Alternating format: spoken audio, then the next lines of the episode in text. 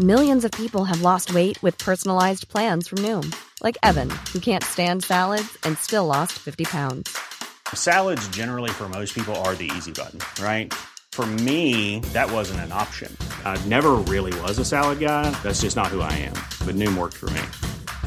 Get your personalized plan today at Noom.com. Real Noom user compensated to provide their story.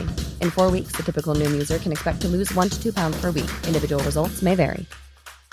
Ryan Reynolds here from Mint Mobile. With the price of just about everything going up during inflation, we thought we'd bring our prices down. So to help us, we brought in a reverse auctioneer, which is apparently a thing. Mint Mobile unlimited premium wireless. Have to get 30, 30, bit to get 30, bit to get 20, 20, 20, bit to get 20, 20, bit to get 15, 15, 15, 15 just 15 bucks a month. So, Give it a try at mintmobile.com slash switch.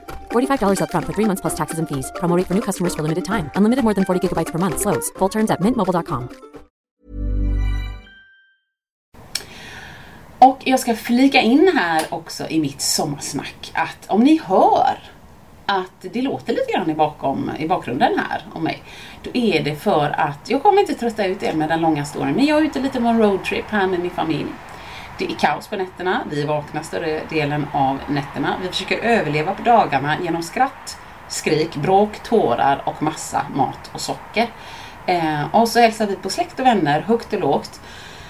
Och nu sitter jag i ett garage utan en vägg på ena sidan eh, med en tågräls 50 meter åt ena sidan och natur på andra. Så att det kommer kanske vara lite ljud och då kan man tänka, kan hon inte respektera oss lyssnare så pass mycket att hon ser till att lösa detta? Vet ni vad? Det är inte brist på respekt. Det är brist på tid, ork och liksom bara livs lust höll jag på att säga. Gud vad deppigt, det menar jag inte. Men ni känner mig så ni förstår. Här är jag, jag poddar med er. Jag hoppas att ni köper läget.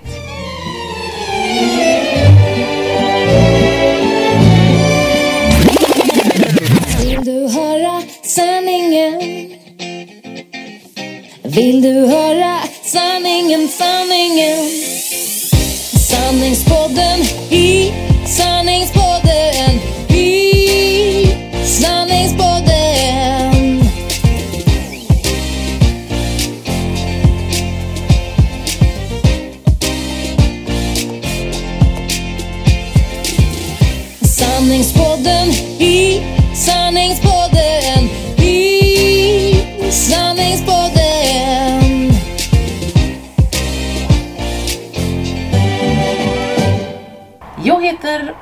Eriksson Berggren och jag lärde mig ungefär samtidigt som jag lärde mig att skriva mitt namn. Ehm, också att förstå att det är viktigt att vara smal för att bli älskad i livet. Ehm, Jag växte upp i Mölndal med min familj. Det betyder min mamma, min pappa och min bror som är fyra år äldre. Eh, och för att få en bild av eh, lite var, var jag kommer ifrån eller var jag är uppväxt ifrån så eh, min mamma, ehm, psykosomatisk sjukgymnast, mycket stor, vad ska jag säga, troende blir fel ord, men eh, troende på alternativ medicin. Mycket av det här har ni poddlyssnare hört, men jag drar det igen ifall det kommer någon som inte har hört. Eh, kroppens läkande kraft, eh, kommunist, vänsterpartist, feminist från början. Man svänger väl hela tiden, men liksom det har jag fått med mig. Um, ja, men dricker bara te, gärna färgglada kläder, gärna så långt bort ifrån modets trender som möjligt för man går sin egen väg. Stickar gärna egna och syr och donar. Sen har vi min far, eh, läkare, tror inte på någonting som inte blivit vetenskapligt bevisat. Folkpartist moderat i alla år jag kan minnas. Dricker endast kaffe. Ehm, och ja men har väl i, i, hela sitt liv sett likadan ut om man säger på, på då när jag har sett honom gå till jobbet. Men eh, har fått ett uppsving här nu under pensionen. Kör mycket färgglada fleecetröjor ihop med uppdragna strumpor i sandaler. Det tycker jag känns fint. Ehm, och eh, sen har vi då min bror. Som på många sätt vill jag att vi är lika, för jag tycker väldigt mycket om min bror och ser upp till honom. Men på många sätt är vi väldigt olika. Ehm, han är analytisk, lugn, eftertänksam, smart, klok eh, och har en enligt mig fruktansvärt hög moral. Och nu låter det som att jag är någon sorts skank som bara är liksom på samhällets eh, botten. Ehm, men det tycker jag inte. Däremot så är jag lite exhibitionistisk, impulsiv, eh, tänker inte alls efter ibland och ibland lite grann. Eh, men jag tycker väl att jag är smart när det gäller de grejer som jag är intresserad av eller har någon sorts talang för men inte alls på samma sätt som honom. Och då han tycker ju inte på något sätt om uppmärksamhet. så där är vi lite olika. Ja, men så där har ni en bild av eh, min familj på Radhuset i Mölndal.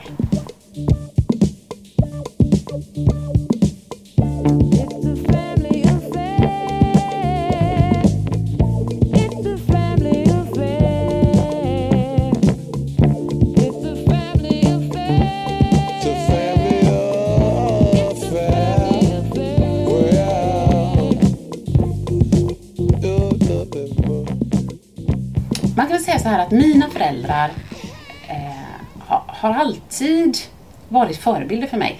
De växte väl väldigt mycket efter det att jag fick barn. För då tänkte jag, oh my goodness God, har de gått igenom det här med mig? Det, alltså, det är ju som att man får gå tillbaka och säga tack i efterhand.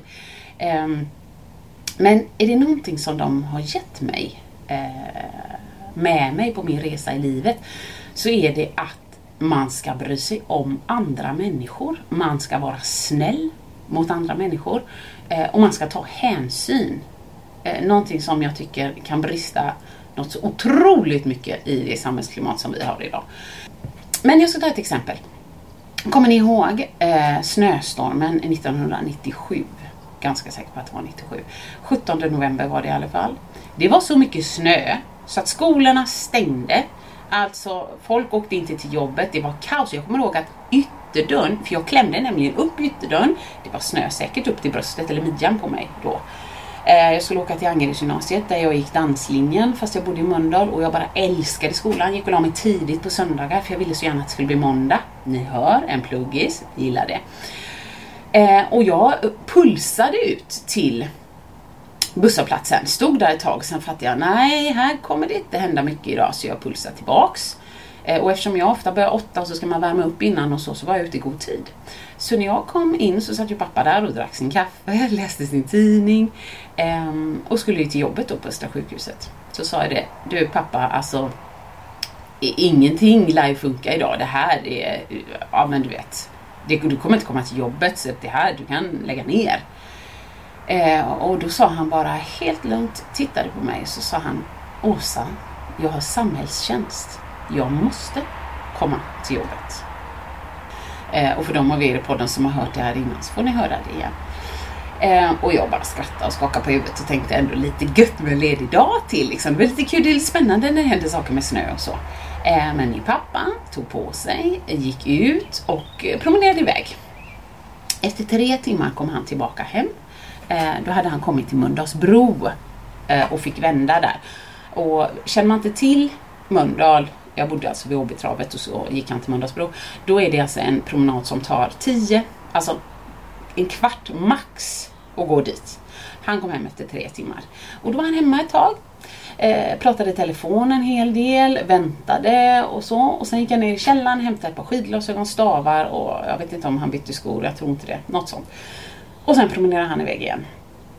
Jag tyckte ju han var helt galen. Eh, men mycket riktigt, någon gång vid nio, halv tio tiden på kvällen, då ringde han och sa han, nu är jag framme på jobbet. Men jag kanske inte kommer hem på ett par dagar. Um, och det vet jag, det är någonting som har satt sig hos mig, för jag tänkte att han förstod, jag, jag förstår ju också att, men han förstod att han var så behövd för andra människor, att han inte bara kan liksom, oj oj, nu är det snöstorm. Uh, och det kan ju låta lite naivt av mig, ja men Åsa han är läkare. Ja, jag vet det. Men ändå, liksom. Det satte stora spår i mig. Och min mamma, eh, på sitt sätt, jag skulle åka till Sunne på en skidresa. En sån här, ni vet, friluftsdag. Ehm, så gick jag ner i källaren dagen innan, kan man tycka lite sent, och ska hämta mina skidor, mina pjäxor och mina stavar. För jag var lyckligt lottad och vi åkte skidor en gång om året varje varje år. Och det var ju en grej som jag tyckte skulle bli kul för att eh, Ja men det, var liksom, det skulle bli en grej i skolan som jag kunde, som jag var bra på. Som man inte kunde reta mig för. Och jag kommer komma tillbaka till det men eh, eh, ja, jag var glad för det. Men jag går ner och jag letar och jag letar och jag letar men jag hittar inga skidor. Jag hittar inga stavar eller pjäxor. Så jag går upp till mamma, för det är så man gör, eller hur? Om mamma är inte där när man letar efter någonting, vad gör man då? Jo, man frågar pappa var mamma är. Så man kan fråga henne, förlåt kom det in en liten passus där, men så är det ju oftast. Ehm, så jag frågar min mamma. Och då säger hon, nej du vet du vad, ja, nu säger vi, vi låtsas att hon heter Ulla-Karin, hennes väninna. Ulla-Karin har skilt sig vet du och hon behövde ju skidor och sånt till sin dotter så att hon fick dem. Ja, ja, sa jag, men eh, ja, jag behöver ju också dem, mina saker. Eh, till imorgon faktiskt behöver jag dem. Ja, men nu är det så här Åsa, att när det finns människor i livet som behöver ens hjälp, då får man kliva in och hjälpa dem. Ja, ja, nej men absolut. Eh, inga problem. Ehm, och det löste ju sig, jag fattar ju det. Ehm, vi hyrde skyddet till mig, vi hyrde pjäxor och staplar och sånt. Men någonstans fick jag också med mig att ja, det är inget som är fredat utan det finns människor som behöver hjälp. Och har man då möjlighet, då ska man hjälpa dem. Eh, så där är liksom på sitt sätt min mor och min far båda delaktiga i att, att ge mig den vad ska jag säga, livsåskådningen, för att använda ett stort ord, som jag har idag. Och jag känner fortfarande till denna dag, efter mina härliga två, som man kallar det, positiva livskriser, både i 30 och 40-årsåldern, att ju äldre jag blir, ju mindre bryr jag mig om vad folk ska tycka.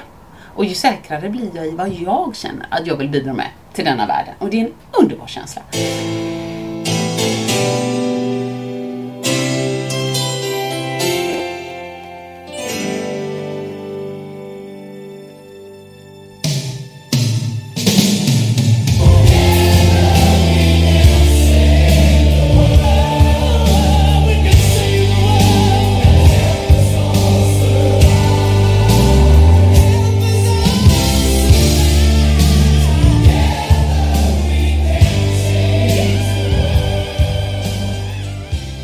Också nämna att det finns ju såklart i allas, ska jag väl inte säga, men vad jag tror är väldigt mångas barndomar, barndomar händelser och minnen som inte är lika bra eller roliga, men som också kanske har satt sig ganska djupt.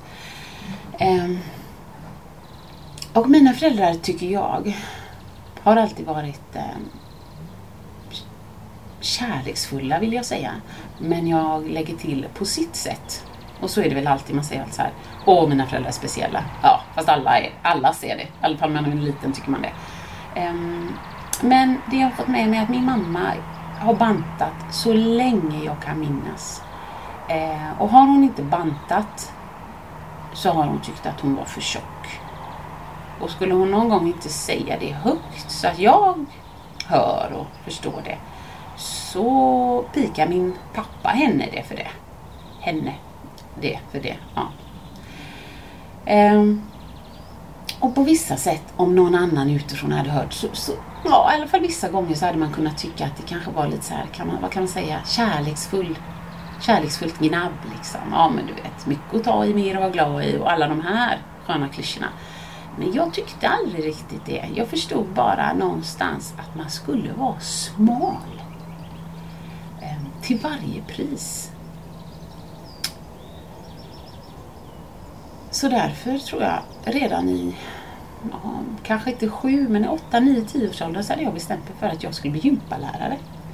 Eh, och det är lite samma som Annika, här skulle hon bli gympalärare. Men inte för något sätt för att det var just gymnastiken eller idrotten som jag ville till. Utan det var för att då hade jag räknat ut att då rör man sig i sitt jobb. Så då blir man inte tjock. Och i efterhand, eller på min terapeuts soffa, så har jag också förstått att i min tanke att inte bli tjock så ligger också min tanke att då får man min pappas kärlek. Eh, och det någonstans har rotat sig lite grann eh, i mig. Som jag inte alltid har tyckt påverkat mig helt sunt i vuxen ålder, vilket jag också kommer komma tillbaka till eh, när jag pratar kropp lite senare. Men jag har även ett minne till. Och jag, jag tror faktiskt att det här kan vara... Ja, men det här kan vara någon av anledningarna att jag har dragit lite på det här sommarsnacket. När Annika sa det så tyckte jag, men kul idé! Men jag har dragit på det. Och sen har jag börjat och sen är jag nej.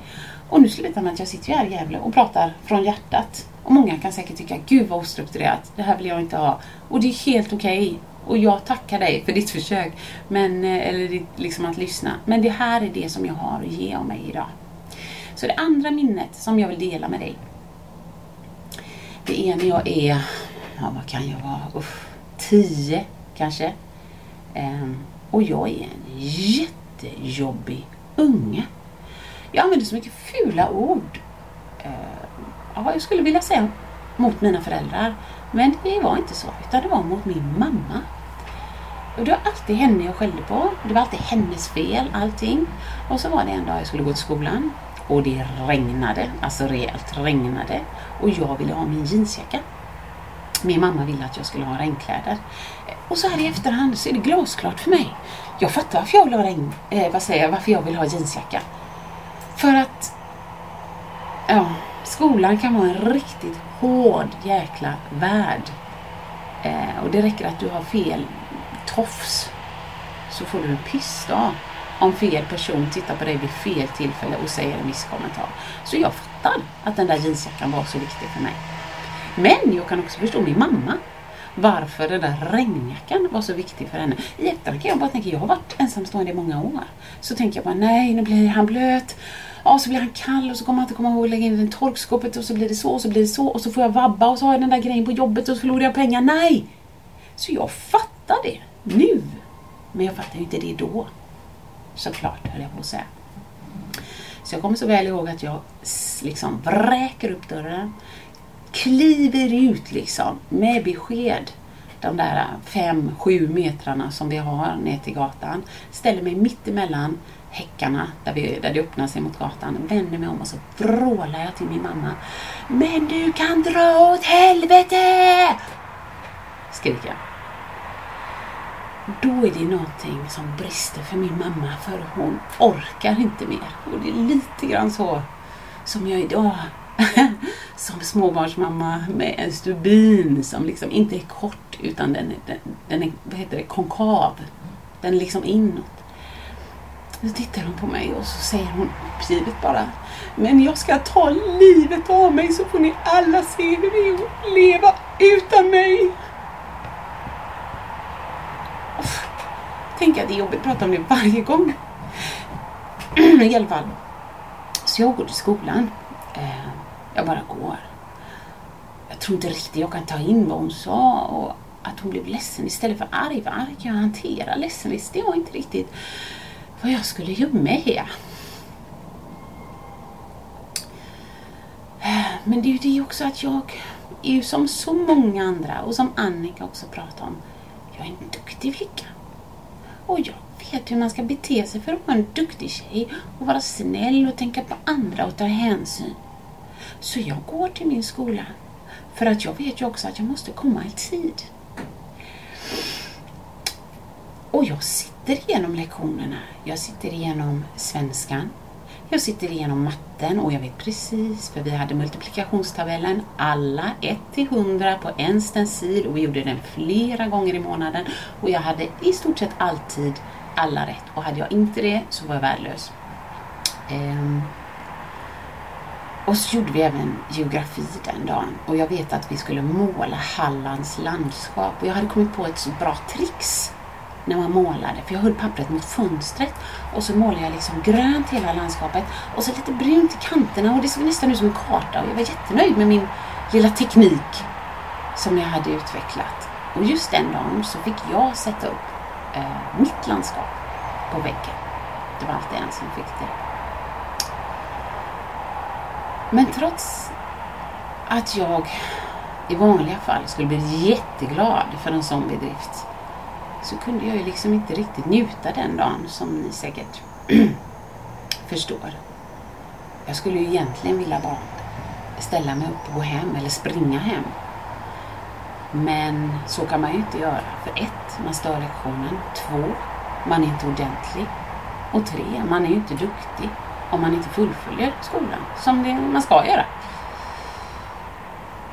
Så jag satt igenom lektionerna och lyssnade, räckte upp handen och svarade. Men i ärlighetens namn så hade jag egentligen bara en tanke i mitt huvud. Och det var ju huruvida min mamma skulle vara levande eller död när jag kom hem. Men hon levde ju. Såklart höll jag på att säga, men det är det väl inte på alla sätt. Jag kan bara tänka mig idag vilken ångest hon måste ha haft efter att ha skrikit så till sin tioåring och sen behövt gå till jobbet. Jag har ont i magen om jag lämnar Ebbe i ett gräl och vi behöver ja, men gå åt olika håll. Så i efterhand kan jag förstå eh, hur jobbigt det måste ha varit även för min mamma. Men jag vet att den dagen var det någonting som hände i mig. I min tanke om mitt samspel med andra människor. Kommer jag också komma tillbaka till.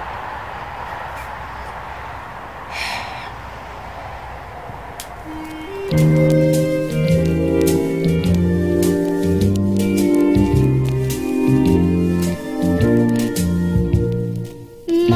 är du ledsen? Varför ler du ej? Vill du jag ska måla någonting åt dig? Många vackra färger har jag ännu kvar. Gråter lilla mamma, allt ska bli så bra. Jag ska måla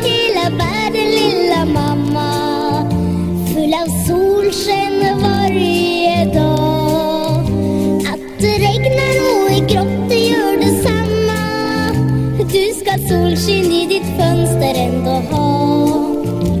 Alla blommorna du gärna vill köpa. Lilla mamma, jag ska måla dem till dig. Jag ska måla hela världen, lilla mamma.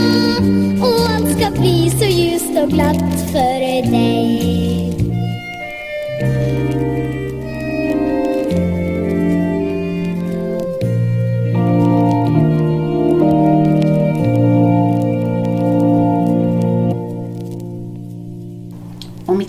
som jag hade då ihop med min mamma har jag förstått är en av alla anledningar som jag har växt upp i en kvinnoroll som jag inte alltid har varit nöjd i eller känt mig bekväm i. Det har blivit så att jag inte säger någonting. Att jag blir rädd för orden. Ehm, att jag blir rädd för hur jag kan påverka andra människor. Så jag sa ingenting. När framförallt killar gjorde saker mot mig som jag inte tyckte om. Ehm, och jag sa ingenting när vuxna män gjorde saker mot mig som jag inte tyckte om. Ehm, och då, i lagens mening, har jag inte varit utsatt för något ja, större brott. I alla fall, kan vara skönt att veta för, ni- för er som lyssnar. Men jag vet att jag var fem år. Eh, åkte till Israel med min mamma och hennes väninna. Eh, och guiden som var med på bussen eh, betedde sig inte så som en guide ska bete sig mot en femårig tjej. Ja, men, kladda lite för mycket, handen på ett lår ibland, kanske om han satt bredvid eller så. Men jag vågade inte säga någonting. Jag vågade inte heller säga någonting eh, när vi lekte i skolan. Det var på, nu ska vi se här, mellanstadiet. 4, 5, 6, det var där. Då lekte vi någonting, killar och tjejer, som hette basketleken. Och man tycker såhär, men basketleken, kanon, det låter sportigt. Men då ska jag berätta hur det går till. Det är lite svårt här i en podd. Eh, jag brukar berätta det i mina föreläsningar ibland, men då är jag lite lättare att visa. Då är det så att det eh, grundar sig i jage. Eh, då. Den här, just den här biten är då killarna eller tjejerna. Men jag var snabb. Jag var faktiskt eh, upp till ungefär jag var en 11 år så var jag snabbast i klassen, även av killarna. Så det brukar gå bra för mig. Jag blir inte tagen så ofta. Men det är klart att killarna tänker så här, "Nej, men det där ska vi ju råda bot på. Så de säger alla mot Åsa eller alla mot Hanna eller vem det kan vara. Så, så gjorde de en gång så sa de alla mot Åsa. Och det som händer då när man är tagen i basketleken det är inte mindre än att alla killar håller fast den. Eh, och ni vet ju om, om man har en basketplan då är det ju två stycken basketkorgar som sitter upphängda på två med stolpar. Liksom. Eh, inte konstigare än så. Och då lyfter killarna upp tjejen som, man kan säga att hon ligger i luften. Eh, lite som ett X, alltså att man har särade ben, man har ryggen neråt och så bär de en under, en under överkroppen och, och huvudet och benen och så, fast man särar på benen. Och sen använder man kroppen lite grann som, ja men tänk er ni vet på vikingatiden när man hade en stor stock som man skulle liksom boom, svinga fram och tillbaka, fram och tillbaka för att öppna en, en stor trädörr eller någonting. Så svingade man då tjejens kropp eh, så att hennes snippa eh, slogs in emot den här stolpen då av stål som basketkorgen hängde på. Och så gjorde man om och om och om igen. Eh, och jag minns inte riktigt hur länge eller hur många gånger eller om, man, om de slutade, om man sa något eller inte. Jag minns inte det. Efterhand kan jag också undra så här. Var var rastvakterna? Fanns det rastvakter? Eller var det så här, åh nej, de är bara kära i dig? Eller, för jag minns inte, det, det är suddigt. Det som inte är suddigt är att jag vet att, och absolut inte bara jag, men att man fick ont efteråt. Och jag minns också att eh, jag, eller säkert flera med mig, eh, la en, en bok under ena sittbenet när man gick in på lektion sen. För då gör det ju inte lika ont att sitta ner. Men för att återgå till min lite halvrödrosa tråd. Sa jag någonting? Till läraren eller till mina föräldrar eller vem som helst? Ja, nej, det gjorde jag inte. Och jag sa inte heller något när jag gick en kurs eh, med både jämnåriga tjejer och lite äldre tjejer. Jag ville gå en sminkkurs. Eh, och den var inne i Göteborg. Då var jag lite äldre. Och då kom det lite, som jag kallar det då, äckliga gubbar och strök utanför. För vi satt inne i en lokal med ett stort glasfönster. Um, och när jag skulle gå hem en av dagarna så eh, gick jag väl, det, det, var lite mörkt. Det var väl höst eller vad vet jag. Och då känner jag plötsligt bara hur eh, ett par jättestarka strålkastare tänds bakom mig och lyser framåt. Och så ser jag eh, en bil och jag ser att det sitter flera ja, jag ska inte säga, jag ser att det sitter flera personer. Men jag får ju direkt en känsla av att det är samma som har strukit runt lokalen. Så jag springer som en stucken gris. Och det är ju egentligen bara tur för mig att min eh, mamma och jag har kommit överens om att hon ska hämta mig. Så jag vet ju precis vart jag måste springa för att sen kunna slänga mig in i hennes bil. Och jag minns än idag känslan av att bara landa på sätet, stänga dörren och en total syreskuld bara och mamma bara, oj vad du har bråttom. Ja. Är du hungrig? Ja visst. Och så gav hon mig en banan och jag var så glad att bara få stoppa någonting i munnen för att liksom slippa prata. För inte heller då valde jag att säga någonting. Och då har jag ändå en krutmamma. Och jag är säker på att hon hade gastat och gormat och gått ut ur bilen och, ja men inte vet jag, gjort någonting. Så jag har aldrig haft någon tveksamhet i att, nej det är ingenting jag säger något för att ingen kommer hjälpa mig, absolut inte. Och mitt sista exempel i, i högstadiet. Då sa jag heller ingenting. Um, då var det en kille, inte i min klass men i skolan, som ringde hem till mig. Inte varje dag, inte varannan dag, men tillräckligt ofta för att det ska kännas som alldeles för ofta. Det var på den tiden som man hade en telefon i hallen, nästan alla. Man hade gärna en lång sån här spiralformad sladd. Eh, och hemma hos oss då, man hade ofta en, förlåt ska jag säga, en stol bredvid telefonen. Eh, om man ville då prata privat eller ostört, då hade i alla fall vi en garderob bredvid. Lite sån som man kan gå in i. Så där gick man in och så klämde man sladden i dörren och så kunde man sitta där och prata med sina väninnor som man har pratat med hela dagen i skolan. Alltså. Eh, men då var det i alla fall en kille vi kan kalla honom Peter, men det hette han inte. Eh, som ringde. Eh, hej, hej. Eh, hej, säger jag. Sen säger inte Peter så mycket. För Peter flåsar i luren. Ganska högt. Eh, och jag är tillräckligt gammal för att förstå eh, vad han gör själv. Med sig själv. Så jag sitter där och jag lyssnar och ibland du vet, kom min mamma eller pappa förbi och bara tittade på mig och liksom mimade. Vem är det du pratar med? Eller Liksom, vad gör du? Och jag bara såhär, ah, nej, det är inget liksom. Det är inget. Nu viskar jag, jag vet inte om ni hör. Men jag sitter där och jag väntar och jag lyssnar och han stönar vidare. Ibland hör jag ett, vad ska man säga, ett, ett blad vändas som i en tidning. Och efter ett tag så slutar stönen och då säger han vänta lite. Och då tänker jag nu hämtar han papper. Och sen så kommer han tillbaka och så säger han så här. Ja, vi ses i skolan imorgon. Hejdå. Hejdå, säger jag. Inte så skitkul upplevelse för att hända fler än en gång och fler än det. Och det, här, det är oftast här eh, som jag kommer till en punkt, både i mina föreläsningar men även nu kan jag tänka mig att någon tänker men please liksom. Du är hemma i ditt hem, du är trygg, du har dina föräldrar. Du kan bara, alltså det är bara skrik, dra åt helvete och släng på luren. Det är ju inte mer än så. Alltså jag menar, någonstans får man ändå dra en gräns. Och jag förstår, jag respekterar den åsikten. Men då får man ändå ha i åtanke att min allra djupaste känsla är att hur ska jag kunna säga något Alltså ändå så pass otrevligt som att dra åt helvete eller något liknande och slänga på luren. Hur ska jag kunna göra så mot en annan människa med en så hård gräns? När jag vet att jag med mina ord kan göra någon så ledsen att de vill dö. Som jag gjorde med min mamma.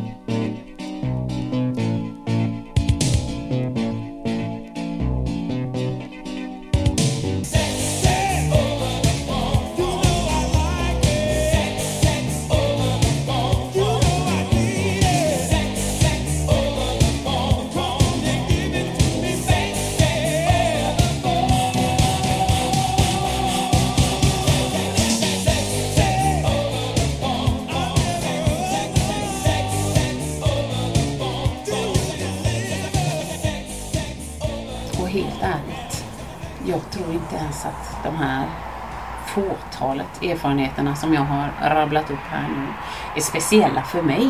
Jag menar, hallå, metoo. Det vimlar av sånt här. Och ja, jag kommer prata lite så här normativt heterosexuellt nu för att det är min upplevelse. Eh, och ja, jag vet att det är inte alla män. Men vi kan väl bara lyfta oss lite grann ifrån de uttalandena och, och ja, ta min historia för vad den är. Jag tror nämligen att jag bara är en i mängden. Jag tror att väldigt många hade det så här. Jag hade en teaterlärare som var precis så snuskig som teaterlärare ofta skämtas om att vara. Och jag har lärare som har tagit på mig på fel sätt i skolan när jag var alldeles för liten. Och andra vikarier som alltid skulle in och hämta något i tjejernas omklädningsrum. Eller pappor som dröjde sig kvar efter fotbollen i tjejernas omklädningsrum. Och jag tror att det var någonstans i detta samtidigt som jag har kommit in i och gått igenom dansvärlden, som jag har kommit in i fitnessvärlden och om man säger ändå blivit ganska stor på mitt sätt som jag kände att nu, eh, nu är jag trött på det här. Nu får det vara nog. Nu tänker jag säga någonting. Och då ringde jag min chef. Hon hette Lina på den tiden, på Nike. Och så sa jag att jag vill hålla en föreläsning på eh, Sveriges största träningsevent. Den ska heta Makt, kropp, sexualitet. Det var det enda jag sa. Och så fick jag ett svar, jag kommer inte ihåg exakt vad Lina sa, men hon, hon sa någonting i stil med Det låter kanon, kör. och det var väl där någonstans som detta kickades igång lite grann.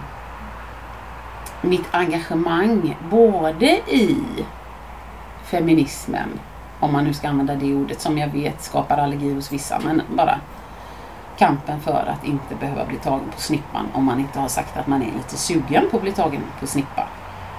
Och även kampen för att fria kropparna, både hos kvinnor och män, från alla de här idealen som är ja, egenpåhittade.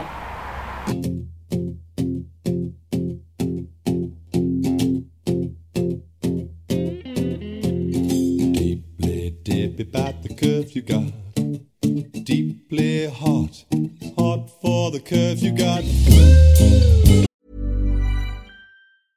Hey, I'm Ryan Reynolds. At Mint Mobile, we like to do the opposite of what Big Wireless does. They charge you a lot, we charge you a little. So naturally, when they announced they'd be raising their prices due to inflation, we decided to deflate our prices due to not hating you. That's right. We're cutting the price of Mint Unlimited from $30 a month to just $15 a month. Give it a try at mintmobile.com slash switch. $45 upfront for three months plus taxes and fees. Promo rate for new customers for limited time. Unlimited more than 40 gigabytes per month. Slows. Full terms at mintmobile.com.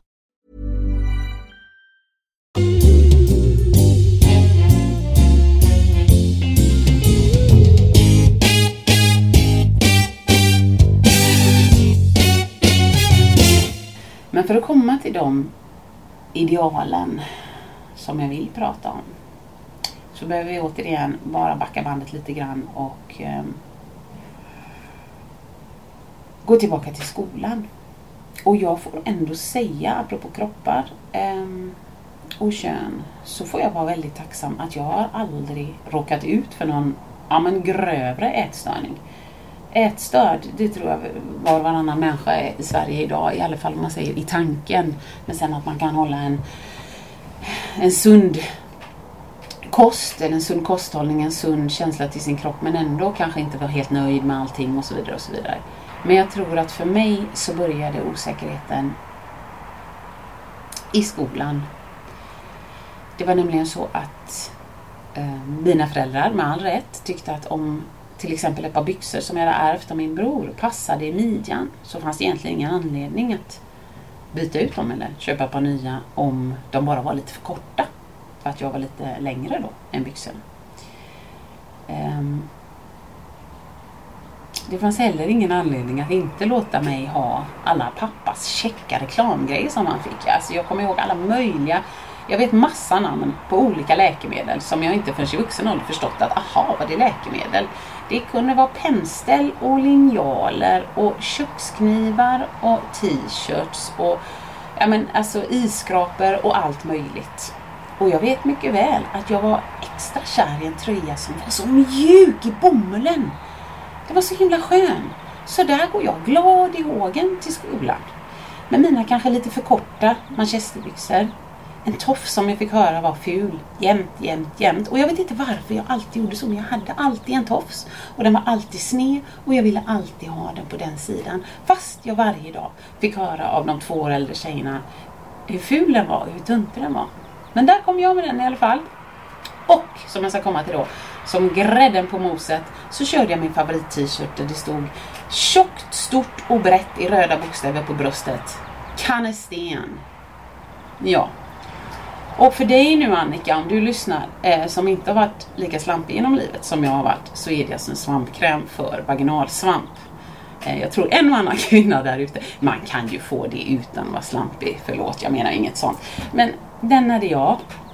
Ehm, och det är klart att jag, den tror jag nog att de vuxna kanske mer drog på munnen åt. Men de tjejerna som jag pratade om, ehm, som jag inte tänker nämna vid namn, de kunde gärna komma in på sin lunchrast när vi hade haft gympa. Sätta sig i vårt omklädningsrum och kommentera våra kroppar. Och gärna mig. Och gärna mina trosor för de var breda. För min mamma tyckte att man skulle ha rekorderliga trosor för det är skönt. Och det tyckte jag med faktiskt då. Det var först när jag blev lite äldre och jag kunde säga ytterligare fula ord för att jag inte fick några string eller vad man nu skulle ha då. Men det var liksom fel, jag fattade det. Jag fattade att jag var fel. Um, sen i efterhand så tror jag att någonstans så var ju de osäkra. Någonstans så tror jag till och med att jag kanske var lite bra. Det gick ju bra i skolan. Det gick ju bra på gympan. Jag hade ju vänner. Så jag förstod aldrig riktigt varför de retade just mig. Med det sagt ska jag inte ta ifrån någon annan. Jag har inte varit mobbad, inte på något sätt. Men retad, ja absolut, det har jag känt av. Och det var även sånt som märktes i, ehm, i Bamban, matsalen för de som inte kallar matsalen för Bamba. I Bamban så var det nämligen, vad ska man säga, en, alltid en anspänning. Ibland en krigszon, men ibland inte alls så farligt. Men jag tänkte mig ju alltid för en och två gånger innan jag gick fram igen för att ta mat en andra gång om jag var hungrig. Beroende på lite hur känslan var. För det var inte ovanligt att det kom en köttbulle flygandes. Har du otur träffar den dig i nacken och då så garvar folk. Det var också lite grann där i bamban som jag hittade en av mina räddningar i livet. Det var nämligen en dag som jag tänkte just så att jag ville gå fram och jag ville hämta mer mat. Men jag kände att det inte är läge.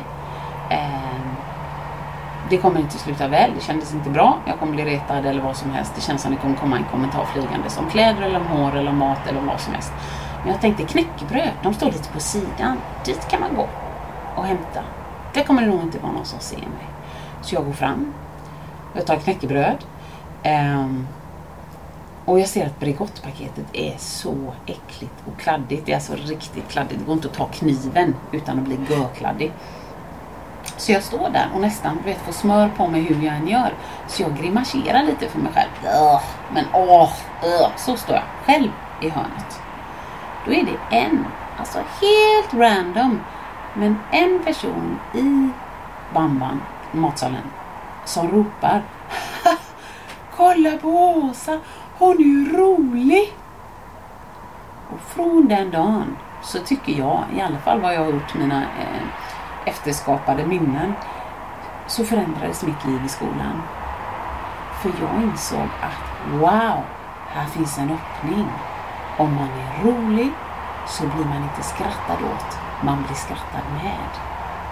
Och detta har liksom fortsatt upp i vuxen ålder. Jag, jag är på något sätt tvångsmässigt rolig eller försöker tvångsmässigt att vara rolig. Även i de minst passade, vid de minst passande tillfällena. Alltså, oavsett om det är en anställningsintervju eller en begravning så, så drar jag något skämt. Ibland funkar det bra. Jag är nöjd med mig själv. Herrejösses, jag är rolig tänker jag då. Eh, och ibland går det inte så bra. Lite som efter när jag kommer lyssna på det här sommarsnacket så kommer jag tänka Åh Åsa, vad du är tröttsam. Åh vad du är ostrukturerad. Men jag förlåter mig själv. Och det känns faktiskt helt okej. Men från den dagen så förstod jag att jag kan vara först på bollen. Jag kan vara först med att säga någonting om mina korta byxor. Och jag kan vara först med att säga någonting om min tofs. Och på något sätt så var det inte bara så att att jag förnedrade mig först och jag slapp liksom de hårda orden. Utan på något sätt så blev det så att jag blev lite klassens eller lite skolans clown. Och jag upplevde att stämningen blev snällare. Jag tyckte om den förändringen. Även om jag i efterhand förstår att när när folk skrattade och tänkte så här eh, ja men Åsa är ju rolig så hörde jag det inte så utan när folk skrattade så hörde jag de tycker om mig. Oavsett om det var sant eller inte så kan det lite grann någonstans ha varit min räddning. Och idag tycker jag det är så skönt att jag inser att fortfarande så har jag det här behovet av att skämta, av att få folk att skratta. För får jag folk att skratta så är jag någonting värd. Men jag känner samtidigt att får jag dem inte att skratta så är det mycket lättare nu att rycka på axlarna och säga ja, ja, jag tyckte inte det var kul, jag tyckte det var kul. Och så garvade jag själv. Och det är en frihet som jag önskar hade kommit mycket tidigare i mitt liv.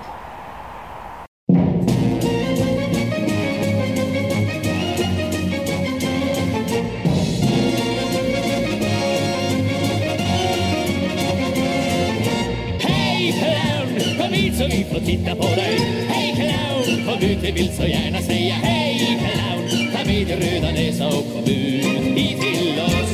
Snälla hej clown, kom ut och sjung och dansa för oss. Hej clown, nu vill vi allihopa se på dig clown. För skynda på, vi måste snart gå hem.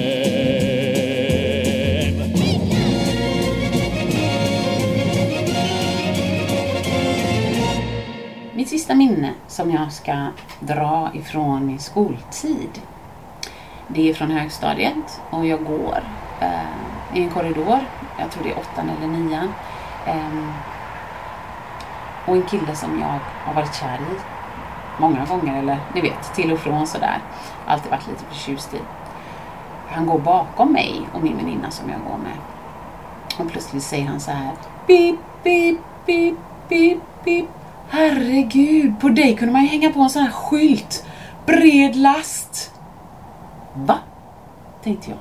Pratar han om mig? Är det sant? Nej, det kan inte vara möjligt. Jag hade liksom varit lite förskonad från det där. Jag var fotbollstjej liksom. Jag rörde på mig och det... Även om jag hade hört mycket, vad man ska säga, hemifrån så hade jag aldrig sett mig själv som eh, ja, men stor eller överviktig. Missnöjd, absolut, på tusen sätt. Det förstod jag ju. Det hade ju folk låtit mig veta. Men tjock, nej. Men ni känner ju mig vid det här laget. Och jag är duktig. Jag eh, ser till att få alla rätt på proven. Så jag tänkte så här, jaha, är jag lite tjock? Då får jag väl se till att lösa detta då. Så den dagen så gick jag hem och så åt jag inget mellanmål hemma. Sen gick jag till en kompis och så sa jag till min mamma, ja mamma jag drar till Helena men jag, jag checkar där. Sen kom jag hem till Helena och då sa jag, åh tack vad gulliga ni är, vet ni vad, jag har ätit hemma så tack ändå. Men jag väntar på Helenas rum.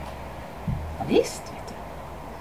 Nästa dag när jag går upp, äter ingen frukost, går till skolan. Äter i bamba. Det är alltså ett dygn sedan jag åt senast. Så det här med periodisk fasta. I was so far ahead that trend. Ja, i alla fall. Sen gjorde jag det igen. Kom hem, inget mellanmål, men där är min bror. Väldigt uppmärksam. Så han säger när han kommer hem lite senare. Du, vad käkar du för mellanmål? Nej, men jag tog någon, eh, jag tog någon macka bara. Så, vadå, hur så? Stäng dörren. Ja, men vad åt du på mackan då? Vad hade du på mackan? För det finns ju inga knivar, det är ingen osthyvel, det finns ingenting där i. Ja, men jag... Eh, du vet, stäng dörren! Och då fattar jag, okej, okay, det här funkar inte. Man måste vara mer slug än så. Jag Upprepade hela min procedur. Men på morgonen efter så gjorde jag en macka. Oh shit, vad sen jag blir. Jag tar mackan på vägen. Vi ses sen allihop. Hej då! Slänger mackan, givetvis, på väg till skolan. Äter i bamba. Fortfarande har det gått ett dygn sen jag åt senast. Kommer hem. Ah, mellanmål, men den här gången ska han inte få, vad ska man säga, syna mig. Så jag kletar ner en kniv med lite smör, lägger i diskon. Jag skär några skivor ost som jag slänger direkt i soptunnan. Men då syns det på osthyveln att den är använd, men det syns ingenting i papperskorgen. Är ni med? Det här fortgår i en veckas tid. Och för en 15-årig tjej som äter en gång om dagen i en vecka så kan jag säga att det händer saker i kroppen. Inga positiva sådana, men väldigt synbara. Och jag vet inte om jag ska kalla det tur. Men det kom i alla fall en dag när samma kille ser mig, ungefär en vecka senare eller något sånt, och säger Men herregud, vad har hänt med dig? Du ser ut som en fågelskrämma, eller han sa något liknande, jag kommer inte ihåg exakt vilket ord det var. Och då var det precis som att, oh, check på den, jag klarade testet, fick alla rätt. Och då, mirakulöst, men tack och lov, så släppte jag det. Det var liksom klart då. Då var det bra igen. Så då började jag äta frukost, lunch, mellanmål, middag. Det var det som vanligt igen. Och man vet liksom inte om man ska skratta eller gråta och till den här soppan. Men någonstans så har jag ju fått med mig ytterligare ett bevis på att det liksom inte är svårt att fatta att man ska vara smal till varje pris. Jag kan bara se mig omkring nu. Jag menar, jag har hur många som, vänner som helst och jag har ungefär lika många kosthållningar. Det är liksom, så fort du öppnar Fitness Magazine, äh, nu menar jag inte just Fitness Magazine, men alla sådana här hälsomagasin, det är liksom det är som att vi har slutat tänka själva och så öppnar man äh, tidningen och så bara, nej men gud, älskling, det ska vara fasta nu, lägg ner gaffeln för 17, vi ska inte äta på en äh, två dagar här. Tre månader senare, Oj, wow, det är någon GI här jag läser om okej, Du kan äta varje dag om du vill, det spelar ingen roll. Men det ska vara något annat. Du måste ta två kycklingfiléer högst upp på bananasplitten. Då sänker du GI. Alltså fattar ni vad jag menar? Det är, liksom, är det inte det så är det stenålder eller så är det ät enligt din blodgrupp eller så är det paleo eller så är det, ja men ni vet. Det finns tusen och här vill jag lägga in en brasklapp. Om du har valt en kosthållning för att du mår bra av den, alltså full respekt. Jag har inga ifrågasättanden överhuvudtaget. Det kan även finnas folk som väljer olika kosthållningar för etiska skäl, alltså fysiska, det kan vara hälsomässiga, man kan ha någon sjukdom, ja, etc. etc. Jag menar inte att det på något sätt är dåligt, men jag menar att det finns en så otroligt stor massa där ute. Och det var väl detta jag kände. Denna massan kom jag så väldigt nära i kontakt med och i sån mängd genom fitnessvärlden. Att jag kände bara, vad håller vi på med? Det är sådana ilandsproblem att jag blir helt upprörd. För i min värld och i den världen som jag levde då, med alla de här tränande människorna, så är det sista de behöver en ny diet.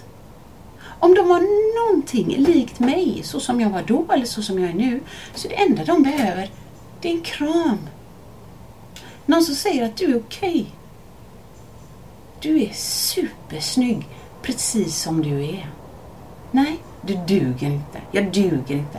Jag är super, asa, fräckig, grym.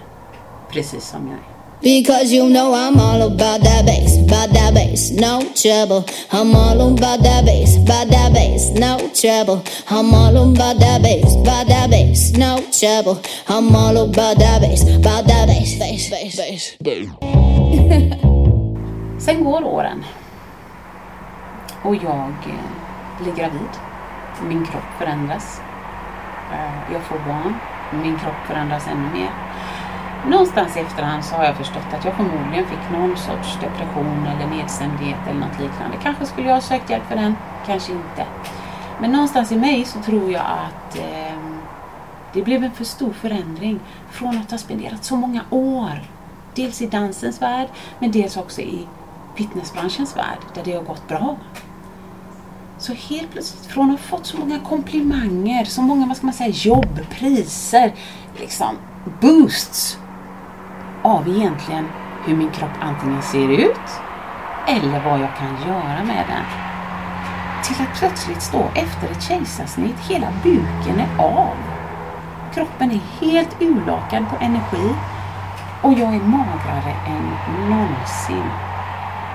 Dels så blev jag mager efter, när man säger när jag ammade, men jag blev ju också givetvis mager för att jag mådde ju inte bra. Jag var nedstämd. Och när man är nedstämd äter man lite bra. Jag gjorde inte det. Jag orkade inte laga någon mat. Så jag, jag tog en Gainomax på morgonen. Eller någon annan proteingrej. Inte för att det var protein, utan för att jag hade det i garderoben i mängd för att jag var sponsrad.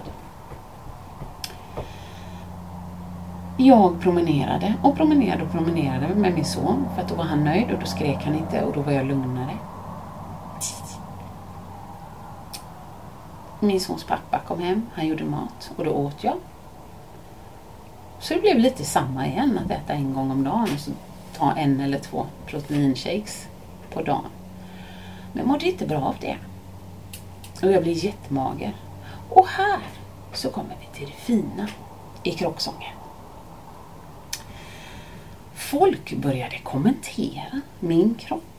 Och jag menar att det har jag alltid fått innan, men oftast i samband med ett jobb. Om man står på scen, wow, liksom, då vill någon säga något. Du ser ut så här, eller vad coolt du gjorde det hoppet, eller vad som helst. Men jag var inte lika van vid att folk kommenterade det ja, men bara på gatan, eller bland vänner eller släkt eller så. Och framförallt inte i negativa ordalag. Men jag har nog aldrig upplevt, jo men det skulle vara på grundskolan då, men aldrig upplevt så många som talar om hur dålig man ser ut. Oj vad mager du är. Oj, mår du bra? Äter du? Alltså du ser verkligen, nu är du för smal. Alltså där smal alltså som inte, men jag kan fortsätta. Men jag tror, alltså vad ska man säga, pricken över i, gräddet på mosen. Det kom när en äldre kvinna sa så här. Oj, oj, oj, vad smal du är. Och jag tror, det är min egna tolkning, jag tror att hon tänkte att jag kanske ville vara så smal eller tänkte, försökte bli någon sorts mannekängmodell eller någonting eller vad det kan heta. Men då säger hon bara så här. Oj, vad smal du är. Ah, du ser inte särskilt bra ut om du tror det. Det roliga är att hon vet ju inte att jag varje dag kämpar med mina tankar, med min nedstämdhet, med min ork att ens liksom känna någon sorts livslust. Och där kommer en människa från ingenstans och talar om för mig hur hemskt jag ser ut. Och om jag någonsin skulle ha trott något annat eller tyckt något annat så vill jag bara tala om att du har fel. Visst är det fantastiskt? Helt fantastiskt.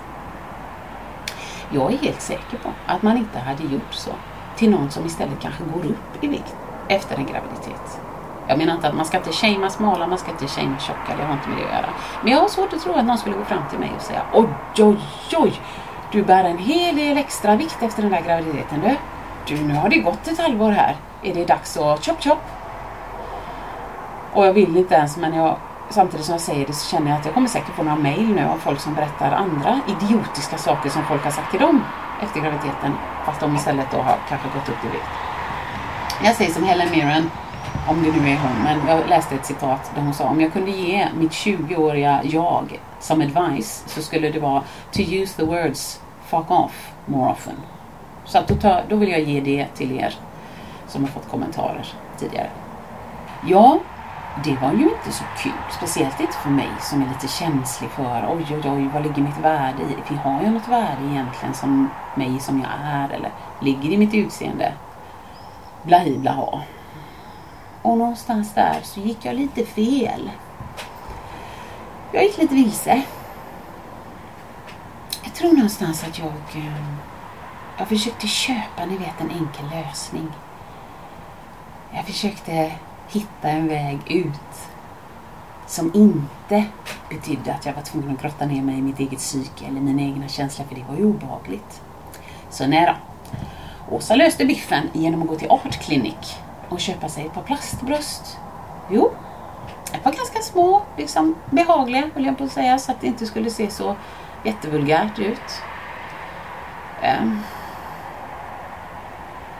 Och detta skulle ju kunna vara en egen podd eh, om hur, hur det har gått och hur det kommer sig att jag opererat den vänstra tre gånger och den högra två gånger och att summan nu totalt skulle jag tippa på är uppe i någonstans mellan 90 och 100 000. Och för dig som jobbar inom bank eller något annat kan du med enkelhet räkna ut vad 100 000 på rätt konto hade betytt idag som jag hade kunnat ge till mina barn.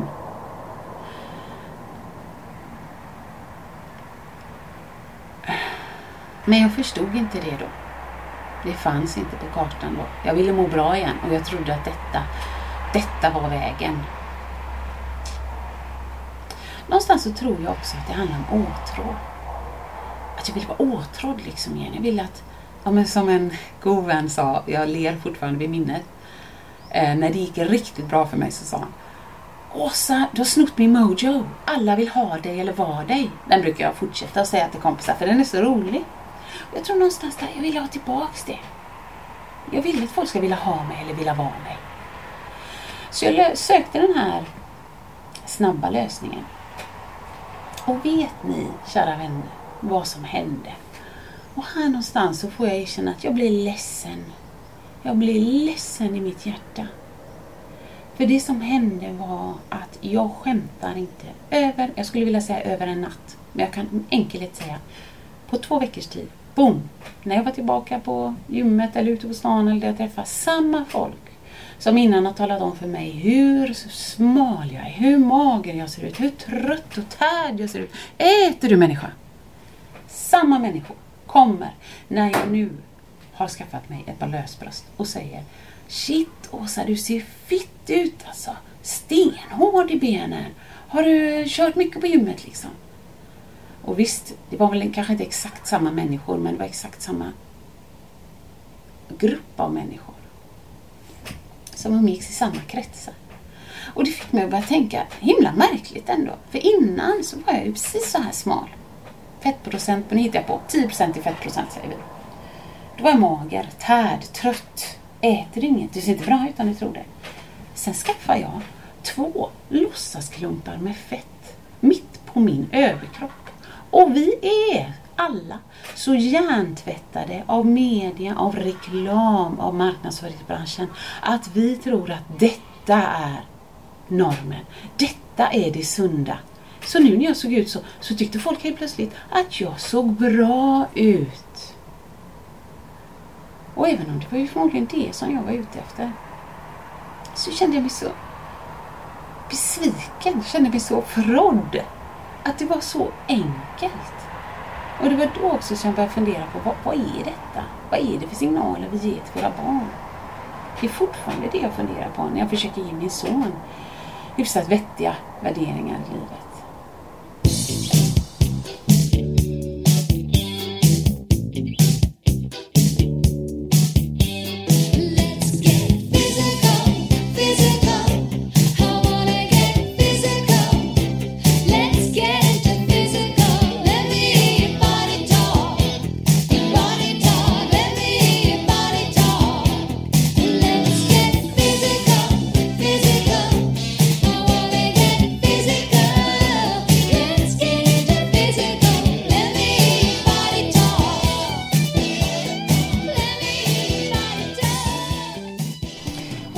Åtrå så kan jag säga, när jag jobbade på Agnesgymnasiet eh, som livskunskapslärare och sex och samlevnadslärare för hela årskurs 1 där. Då gjorde vi en, eh, en undersökning. Vi frågade dem, vad betyder, vad betyder ordet respekt? Och så fick man skriva på lappar och så fick man lämna in och så. Och så gjorde vi en sammanställning. Alltså det här är inte vetenskapligt på något sätt men det var ganska enkelt att se mönstret. Och jag vet att jag har berättat det här förut men jag säger det igen. Killarnas svar, det var att vara fruktad. Folk ska ha respekt för mig. De ska frukta mig. Liksom. Det var kontentan när man kokar ner det. Men vad var tjejernas svar? Jo, att vara åtrådd. Att folk ska vilja ha mig. Eller vara mig, skulle man kunna flika in. You do the math. Du tänker själv vad du tror att vi kommer få för samhälle om vi har män som vill bli fruktade och vi har kvinnor som vill bli åtrådda. Och det här är ungdomar som inte föddes med den känslan, som inte föddes med den tanken, som inte föddes med den upplevelsen av respekt. Det har vi, deras vuxna, skapat i den världen som vi lever nu. Och nu kan det låta jättebrett och jättestort men någonstans så är det ju sanningen. Så vill vi förändra någonting så behöver vi förändra det nu. Och ställer ni frågan till mig idag? Ja men Åsa, hur är det idag? Hur känner du med dina, jag kallar det för lösbröst, dina plastbröst, dina silikoninlägg? Ångrar du dem? Gode Gud i himlen, ja. Det finns så många anledningar. Alltså, jag vet ju inte ens om detta kommer göra att min hälsa kommer försämras. Om att jag kommer dö, att jag får en infektion eller att det visar sig att det var giftigt. Vad som helst. Det är ena biten. Det ekonomiska, det är andra biten. Men jag ska vara helt ärlig med er och erkänna att även om svaret är idag, ja, jag ångrar det. Så om du frågar Åsa, som jag var då, vid det tillfället när jag tog beslutet, så tror jag helt ärligt att hon inte bara hade opererat sina bröst. Hon hade opererat med glädje in ett grönt decimeterlångt horn i pannan om hon trodde att det skulle göra henne mer inkluderad, omtyckt och älskad.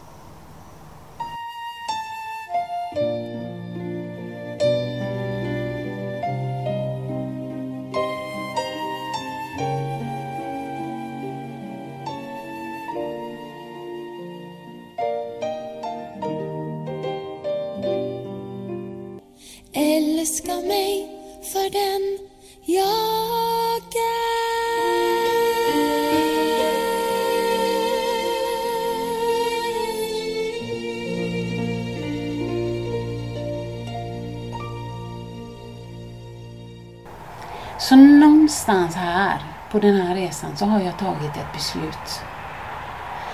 Och jag tror halva kom när jag var 30 och kände att det vibrerade lite i marken som jag gick på. Att det kändes osäkert. Jag visste inte vart livet skulle ta vägen. Men nu när jag fyllde 40, lite som min andra livskris, så känns det som att det fullkomligt gungar under fötterna och jag kunde inte vara mer stabil. Nu kommer jag säga det viktigaste. Om du har väntat ända till nu och är med mig ända till nu. Det här är det viktigaste som jag kan säga i det här sommarsnacket. Ge inte bort makten till någon annan. Du äger din lycka, du äger din inställning till din kropp. Du kan aldrig säga till ditt barn, du duger som du är, samtidigt som du tittar på dig själv med förakt i spegeln. Våra barn är inte dumma. You cannot fool them. Inte ens en gång. De hör dina tankar. Så om du bestämmer dig nu att du ska älska de där celluliterna, sluta jaga de sista åtta trivselkilorna. Fuck that shit. Om du får hälsoproblem, så absolut, gå ner dem. Annars säger jag, behåll dem och fortsätt sporta. Behåll kilorna och ät nyttigt eller ät onyttigt eller både och. Det jag menar är att jag tror ibland att du kan göra större skada mot dig själv genom det här vidriga, sipprande, frätande självhatet som vi går och bär på och som vi bara osar ut som ringar på vattnet. Men vi tror att vi håller det inom oss. Inte en chans. Så jag vill att alla som är med mig nu, som lyssnar hit, går upp i bitti, ställer sig helt spritt språngande näck i badrumsspegeln, sätter armarna i sidan som värsta Kajsa Kavat, särar på benen, bara könar fram snippan, sänker hakan och bara säger till sig själv, här står du och är helt jävla perfekt. Fan vilken fin känsla. Och det är där någonstans som jag känner att jag börjar närma mig. Jag har fortfarande mina hjärnspöken. Jag tror fortfarande att åh, nu åt jag det där, eller shit, jag har inte tränat på så länge, eller gud, kan jag inte ha de jeansen längre, vad är det här? Jag känner inte att det är hela världen. Jag tittar på mina ungar, jag tittar på min man som jag bita huvudet av ibland. Och som jag ibland älskar så mycket att jag vill ha fler barn. Jag vill inte det, jag vill inte det, jag är jättetrött. Men ni förstår vad jag menar. Och så tänker jag, jag tänker inte ge bort makten av att njuta av mitt liv till någon som vill att jag ska gå runt och tänka på mina celluliter. Till någon som vill att jag ska gå runt och känna att jag inte riktigt duger, så gör att jag spenderar det som skulle kunna vara mina pensionspengar på en ny kräm. Eller på en ny eh, hold up push-in tights, pants, hose, strumpbyxa som ändå gör att man går in efter halva festen och trav på toaletten för man kan fan inte andas efter middagen. Ta tillbaks makten. Det finns ingen annan som kan säga till dig. Din tröja är ful. Ja, men du får tycka det och det är okej. Okay. Men jag tycker den är fucking fab. Nu har jag svurit för mycket, jag ber om ursäkt för det. Om din man någonsin säger till dig, eller kvinna, ni fattar vad jag menar. Säger till dig. Åh älskling, men du är mer mysig och snäll och fin och jag älskar dig. Men alltså hon på TV nu, hon är ju mer sexig. Vet du vad? Det bestämmer inte din partner. Han kan tycka så.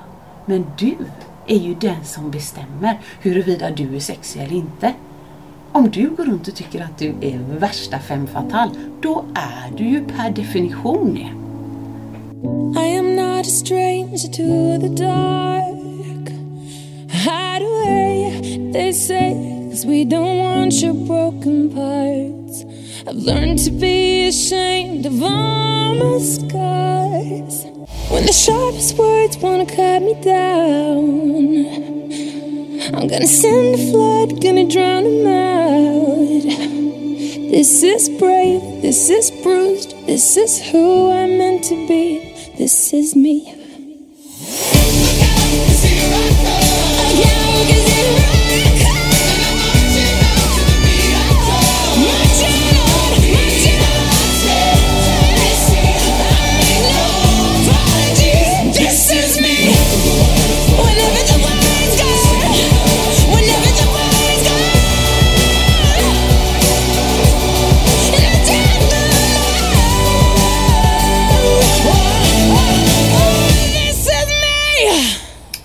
Hört talas om eh, Rosendals trädgårdar i Stockholm?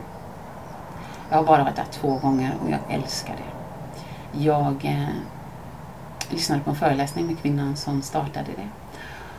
Och ja, affärsidén är i alla fall så att de bjuder på, eller vad säger jag, säljer bakverk. Men hon startade det själv. Eh, och bakverken var ju lite amatörmässiga så det fanns ju inte egentligen två stycken som såg likadana ut utan alla var ju lite snea och lite vinda och någon var sprucken och så. Men hon sålde dem ändå. Och Det gick kanonbra. Det gick till och med så bra att efter ett tag så hade hon råd att ta in riktiga bagare som gjorde de här konditorverken. Men vad hände då? Jo, försäljningen sjönk. Mycket märkligt. Så hon slutade, eller sa upp de här bagarna, fortsatte baka lite hemgjort, snett och vint och vips så sköt försäljningen i höjden igen. Och vad vill jag säga med det här? Jo, det är ju lite grann så som jag tycker jag kan se lite nyanser på sociala medier nu. Jag tycker vi visar upp lite mer sprickor i fasaden. Livet är inte a box of chocolates, som Forrest Gump sa. Men ni vet, sån skinande omslag och en jättetydlig innehållsförteckning. Nej, det är inte så. Livet är liksom en, en påse mandelkubb på Göteborgs kex. Nu har de väl lagt ner den i Kungälv. Men ni vet på den där billiga hyllan. Där de antingen har gått sönder eller det har blivit någon fel i produktionen. Det är så det är. Så jag skulle önska att vi alla försökte dra vårt strå till stacken. Och vara öppna och visa upp lite mer av kanske smulorna och sprickorna i vårt liv. Och inte bara glasyren och pärlsockret på ytan. För alla vet ju ändå att det göttigaste på både människor och bullar, det sitter i mitten.